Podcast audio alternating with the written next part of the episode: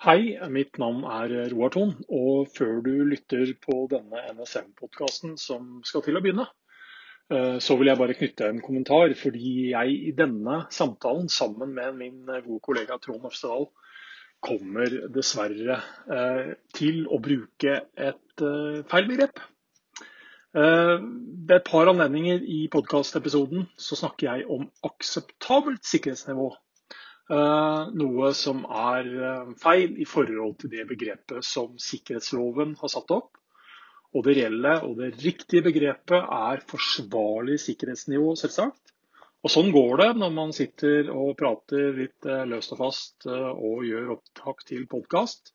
Så husk når dere lytter på dette her, begrepet er et forsvarlig sikkerhetsnivå. Ha en god lytteropplevelse.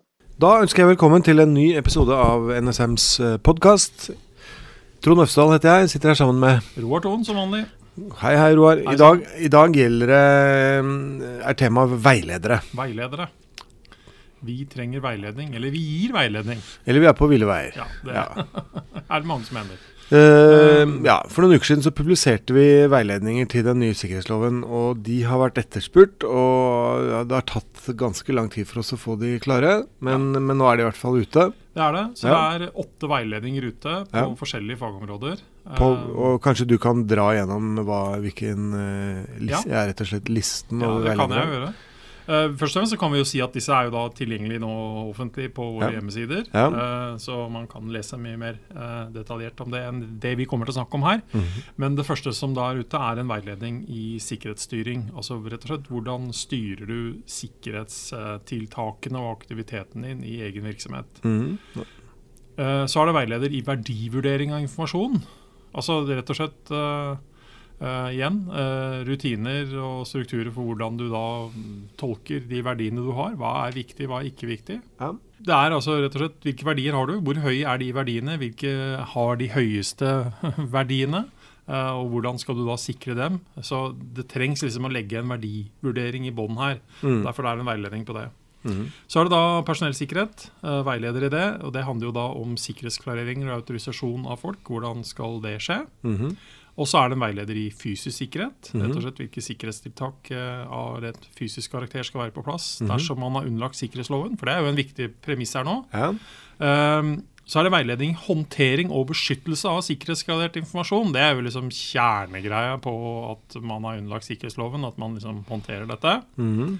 Og Så har vi da en veileder for godkjenning av informasjonssystemer. Altså Det er da spesifikt systemer som skal håndtere sikkerhetsgradert informasjon. Mm -hmm. Og hvordan de skal være skrudd sammen og rutiner rundt det. Mm. Så eh, syvende, det siste, veileder for virksomheters håndtering av uønskede hendelser. Eh, og det ligger jo kanskje i ordet at uønskede hendelser er noe vi helst ikke skulle ønske skjer. Mm -hmm. Men når det skjer, så må, så må man ha noen rutiner på hvordan ja. det håndteres. Og siste er da uh, veileder for tilsyn med forebyggende og sikkerhetsarbeid. og Det går da på hvordan man faktisk skal føre tilsyn med de virksomhetene som er underlagt sikkerhetsloven. Ja. Uh, og Det angår jo bl.a. Uh, NSM som tilsynsmyndighet, men det også angår også en rekke andre som har den myndigheten. Ja, og Når det gjelder alle disse veilederne, så gjelder jo da at uh, det er viktig å ha i bakhodet at man skal forholde seg til nødvendige begreper som funksjonelle krav og akseptabelt sikkerhetsnivå. Ja, øh, for dette er ikke noen oppskrifter for absolutt, hvordan du skal gjøre ting? Absolutt ikke. Ikke detalj.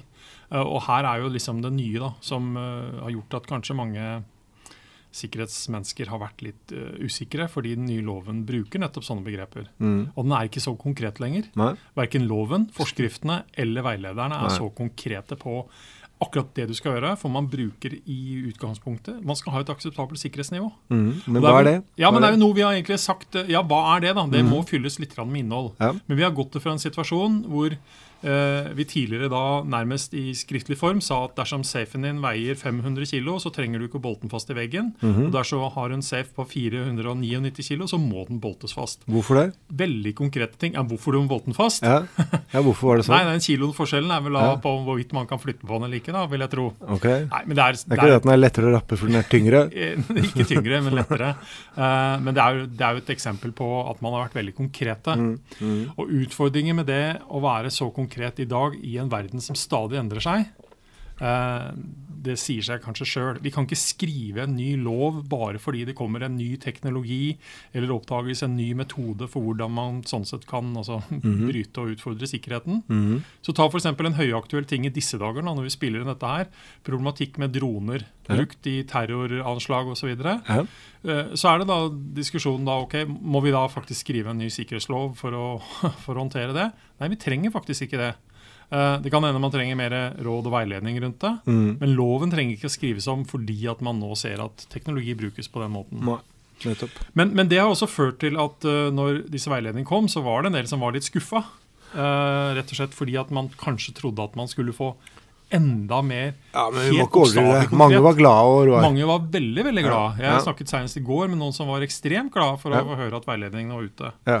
Um, altså, og det er en annen ting i forhold til dette, Vi kan ikke fortelle folk i detalj på hvordan de skal sikre seg. Nei. Virksomheter er forskjellige. Mm. Det er altså forskjell på en, uh, om du driver blomsterbutikk eller om du tilhører en uh, industri innen forsvarsindustrien f.eks. For mm. De har et helt ulikt trussel- og risikobilde. Mm. De må begge to sikre seg, mm. men ikke nødvendigvis på samme måte og i samme, samme grad. Nei, Så verdi, bruk av skjønn her skjønner vi er uh, betydelig viktigere Helt enn det var før. Men altså, vi oppfordrer alle til å lese veiledningene. Selv hvis man ikke er underlagt sikkerhetsloven, så kan det være viktige momenter å få med seg i forhold til hvordan man skal jobbe med sikkerhet. Ja.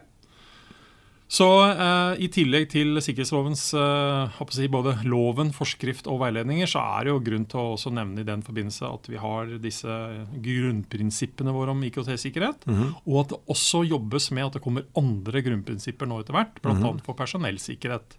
Ja. Så her er det bare å følge med. Ja. Og så kommer vi sikkert tilbake i en eller annen podkastepisode og snakker om flere av disse produktene når de da er publisert. Ja. Nei, men den er god. Da takker vi for oss. Det gjør vi. Hei. Hei.